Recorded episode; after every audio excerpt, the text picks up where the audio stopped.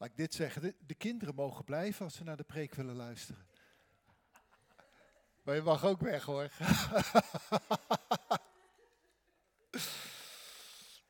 Goed. Ik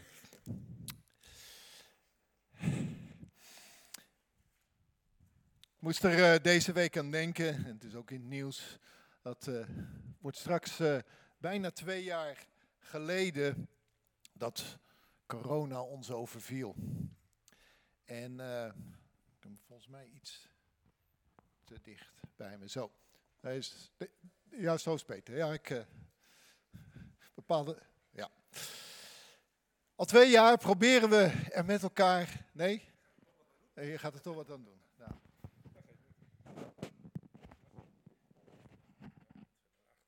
Ja.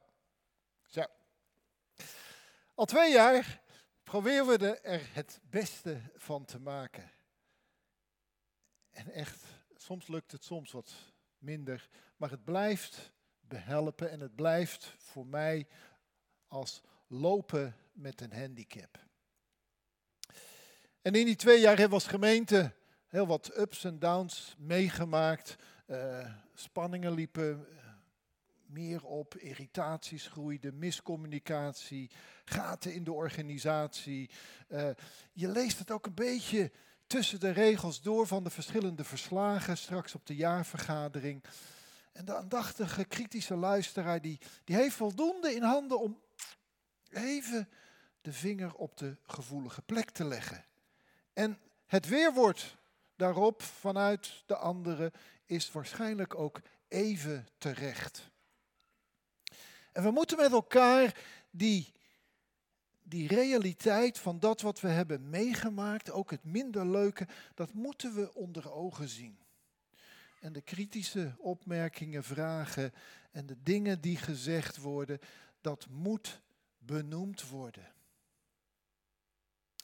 Maar als we dat doen, laten we dan het advies volgen wat Paulus ons geeft. En hij zegt, ik roep u dringend op de weg te gaan die bij u past. Die past bij de roeping die u hebt ontvangen. Wees altijd nederig, zachtmoedig, geduldig en verdraag elkaar uit liefde. Span u in om door de samenbindende kracht van de vrede de eenheid te bewaren die de geest u geeft. Maar als je de verslagen leest, proef je ook iets anders. Proef je ook de, de dankbaarheid dat God zijn gemeente niet heeft losgelaten. En als ik heel eerlijk ben en ik kijk nu terug waar we nu zijn, dan denk ik, ik had veel erger gevreesd. Er waren momenten dat ik dacht van we vallen helemaal uit elkaar. Maar dat is niet gebeurd. En we zijn hier en ik dacht eraan toen we aan het zingen waren. En ik dacht van yes, dat is het weer. We, we, voegen ons in en we zijn blij en we zijn dankbaar dat we met elkaar gemeente kunnen zijn. God heeft ons bewaard in een hele stormachtige tijd. Maar er is nog meer gebeurd. We zijn met elkaar opnieuw aan het ontdekken wat gemeente zijn betekent. En soms gebeurt het met ons allemaal. Als de dingen die zo vanzelfsprekend zijn, als die opeens wegvallen, dan merk je pas hoe bijzonder dat was. Dan ga je pas daar de, de waarde van inzien. En dat is nu precies, ik proef het overal in Nederland, met heel veel kerken aan het gebeuren. En dit zijn de woorden die iedere keer weer terugkeren van voorgangers, van mensen in verslagen. We zijn aan het ontdekken dat het in de gemeente vooral gaat om verbinding, betrokkenheid, gemeenschap. Terug naar de eenvoud, terug naar de basis, een stukje nederigheid. En dat zijn we met elkaar aan het ontdekken. En we, we komen erachter, of we zijn het opnieuw aan het ontdekken, dat de kerk in eerste instantie een gemeenschap is. Een groep mensen waar je relaties hebt met elkaar. De kerk is niet een kerkdienst. De kerk is geen gebouw. De kerk is geen programma. De kerk zijn wij. Het gaat om mensen. Het gaat om ons. Maar er valt nog meer te zeggen. En een van de Bijbelboeken die voor mij in deze tijd heel belangrijk is, en iedere keer kom ik er weer op terug, we hebben er ook heel wat keer al over gepreekt, is Efeze. Zomaar voor vanochtend een paar teksten eruit. Paulus zegt tegen de mensen die het risico liepen om tweederangs gemeenteleden te zijn. Hij zegt, jullie zijn geen vreemdelingen of gasten meer, dat waren jullie dus wel, maar jullie zijn burgers, net als de heiligen, huisgenoten van God. En in hem vormt het bouwwerk één geheel, groeit het uit tot een tempel die gewijd is aan de Heer, in wie u ook samen opgebouwd wordt tot een plaats waar God woont door zijn geest. voor die tijd waren dat radicale woorden. En we hebben de radicaliteit van die woorden een beetje vergeten. In de gemeente zijn geen gasten, geen vreemdelingen, alleen maar burgers met dezelfde rechten en dezelfde plichten. De gemeente is als het ware een familie, waar iedereen die in Jezus Christus gelooft erbij hoort en waar er geen verschil is. Geen meer of minder, hoger of lager, belangrijker en minder belangrijk. We zijn gelijk. De gemeente is daarin een eenheid. Maar Paulus, die maakt het nog radicaler. En hij zegt dan, in hoofdstuk 4, aan een ieder, van een ieder die gelijk is, aan een ieder van ons is de genade geschonken naar de maat waarmee Christus geeft. En wat verderop zegt hij dan, en zo heeft hij verschillende mensen aangesteld. En hij noemt er vijf, van apostelen, profeten, verkondigers van het evangelie, herders en leraren. Waarom? Om de heilige toe te rusten voor het werk in zijn gemeente. En hij gaat dan verder. In hoofdstuk 4, vers 12. En zo wordt het lichaam van Christus opgebouwd. Totdat wij alle samen door het geloof en door onze kennis van de Zoon van God een eenheid vormen. Sla ik even een paar regels over en dan het aan het einde staat er dan. En ieder deel, ieder deel, draagt op eigen wijze bij tot de groei van het lichaam. Dat zo zichzelf opbouwt door de liefde. En dat zichzelf opbouwt. Daar lezen we misschien heel snel overheen. Maar dat betekent het opbouwen van de gemeente.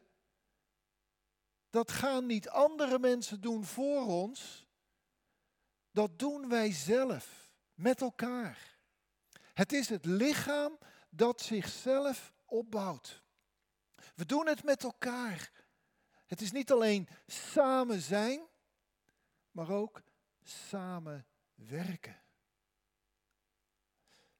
En was nu het gevaar wat wij steeds lopen? Er zijn twee gevaren. De eerste gevaar is dat we een dominee aanstellen. Iemand die zegt, ik ben geroepen. En dan denken de anderen, als ze dat verhaal van de roeping horen, ja nee, dan ben ik niet geroepen. Dus als jij zegt, of als, een ander zegt van ik ben geroepen, nou, dan leunen we een beetje achterover en dan zeggen we, nou eens kijken wat die dominee dan gaat doen die zo geroepen is door God. Of iemand gaat denken, oh, maar dat betekent dat als de dominee het doet, ja, dan is het pas echt van de gemeente. Dus als de dominee belt of als de dominee langskomt, ja, dan kan er al gemeenteleden, maar dat telt niet, want het moet toch wel de dominee zijn. Maar dan maken we die dominee, ik ben er dus zelf een, hè? Uh, en jullie hebben er zelfs twee. Uh, dan maken we die dominee veel te belangrijk. Ten koste van de andere gemeenten die net zozeer geroepen zijn. Net zozeer geroepen zijn om de gemeente op te bouwen. Dat is gevaar 1. Ik zie het steeds gebeuren. Ik werk er zelf ook nog aan mee. Daar ben ik heel eerlijk in.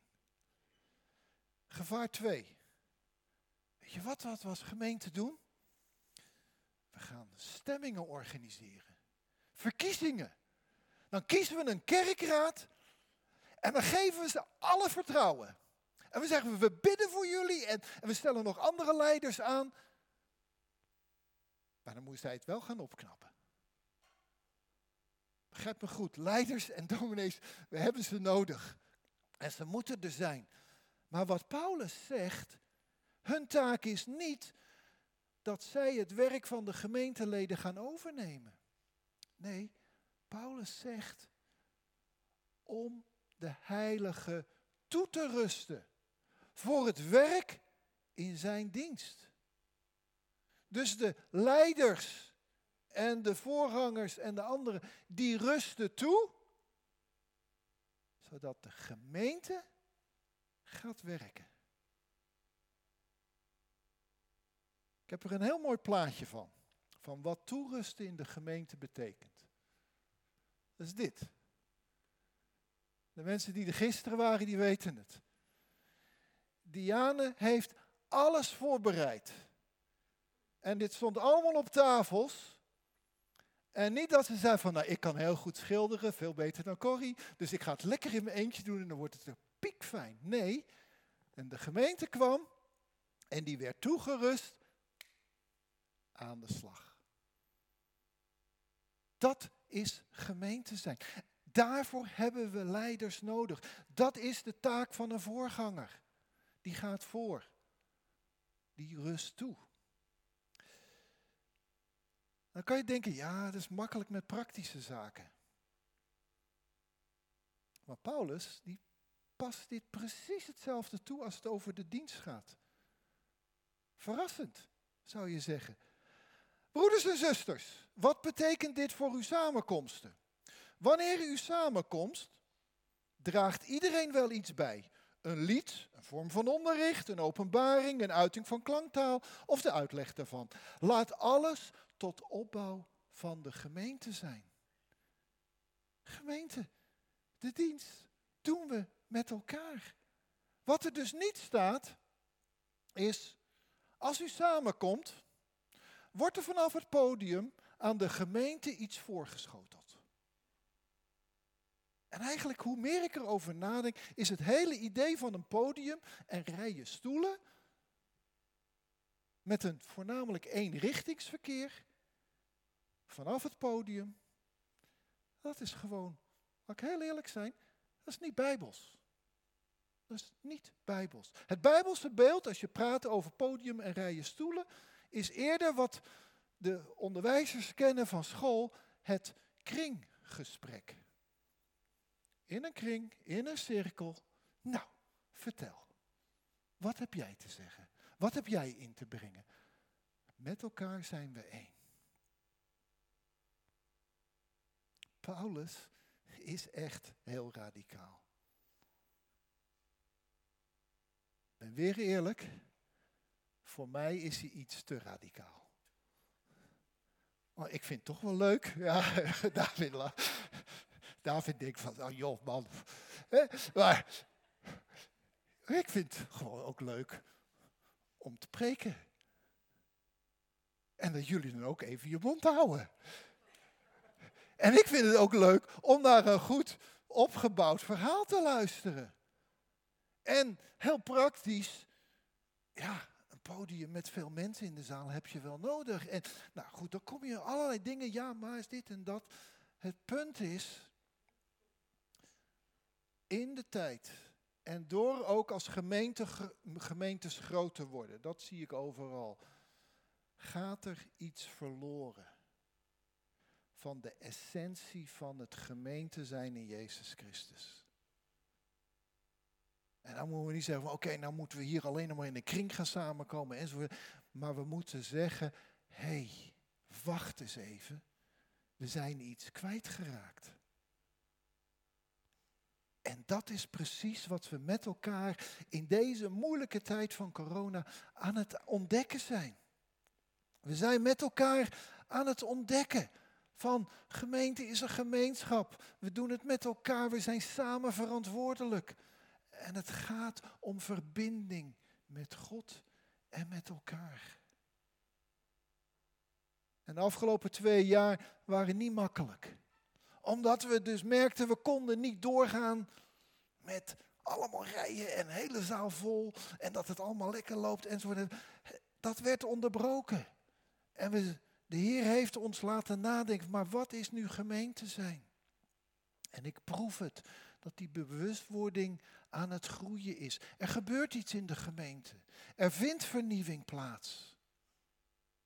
Sterker nog, ik ben ervan overtuigd dat wij als gemeente sterker uit corona komen dan dat we er zijn ingegaan. Misschien wel wat kleiner, maar als gemeenschap zijn we sterker, komen we eruit dan dat we erin gegaan zijn. Omdat God iets aan het doen is. En heel vaak werkt God in de moeilijke tijden, eh, door de crisis heen. Ik zou zeggen, als je het ziet, verheug je daarover, want het is nog pril, het is nog kwetsbaar. Kom en doe mee, versterk het. En als je het niet ziet, dan zeg ik van, begeef je onder de mensen.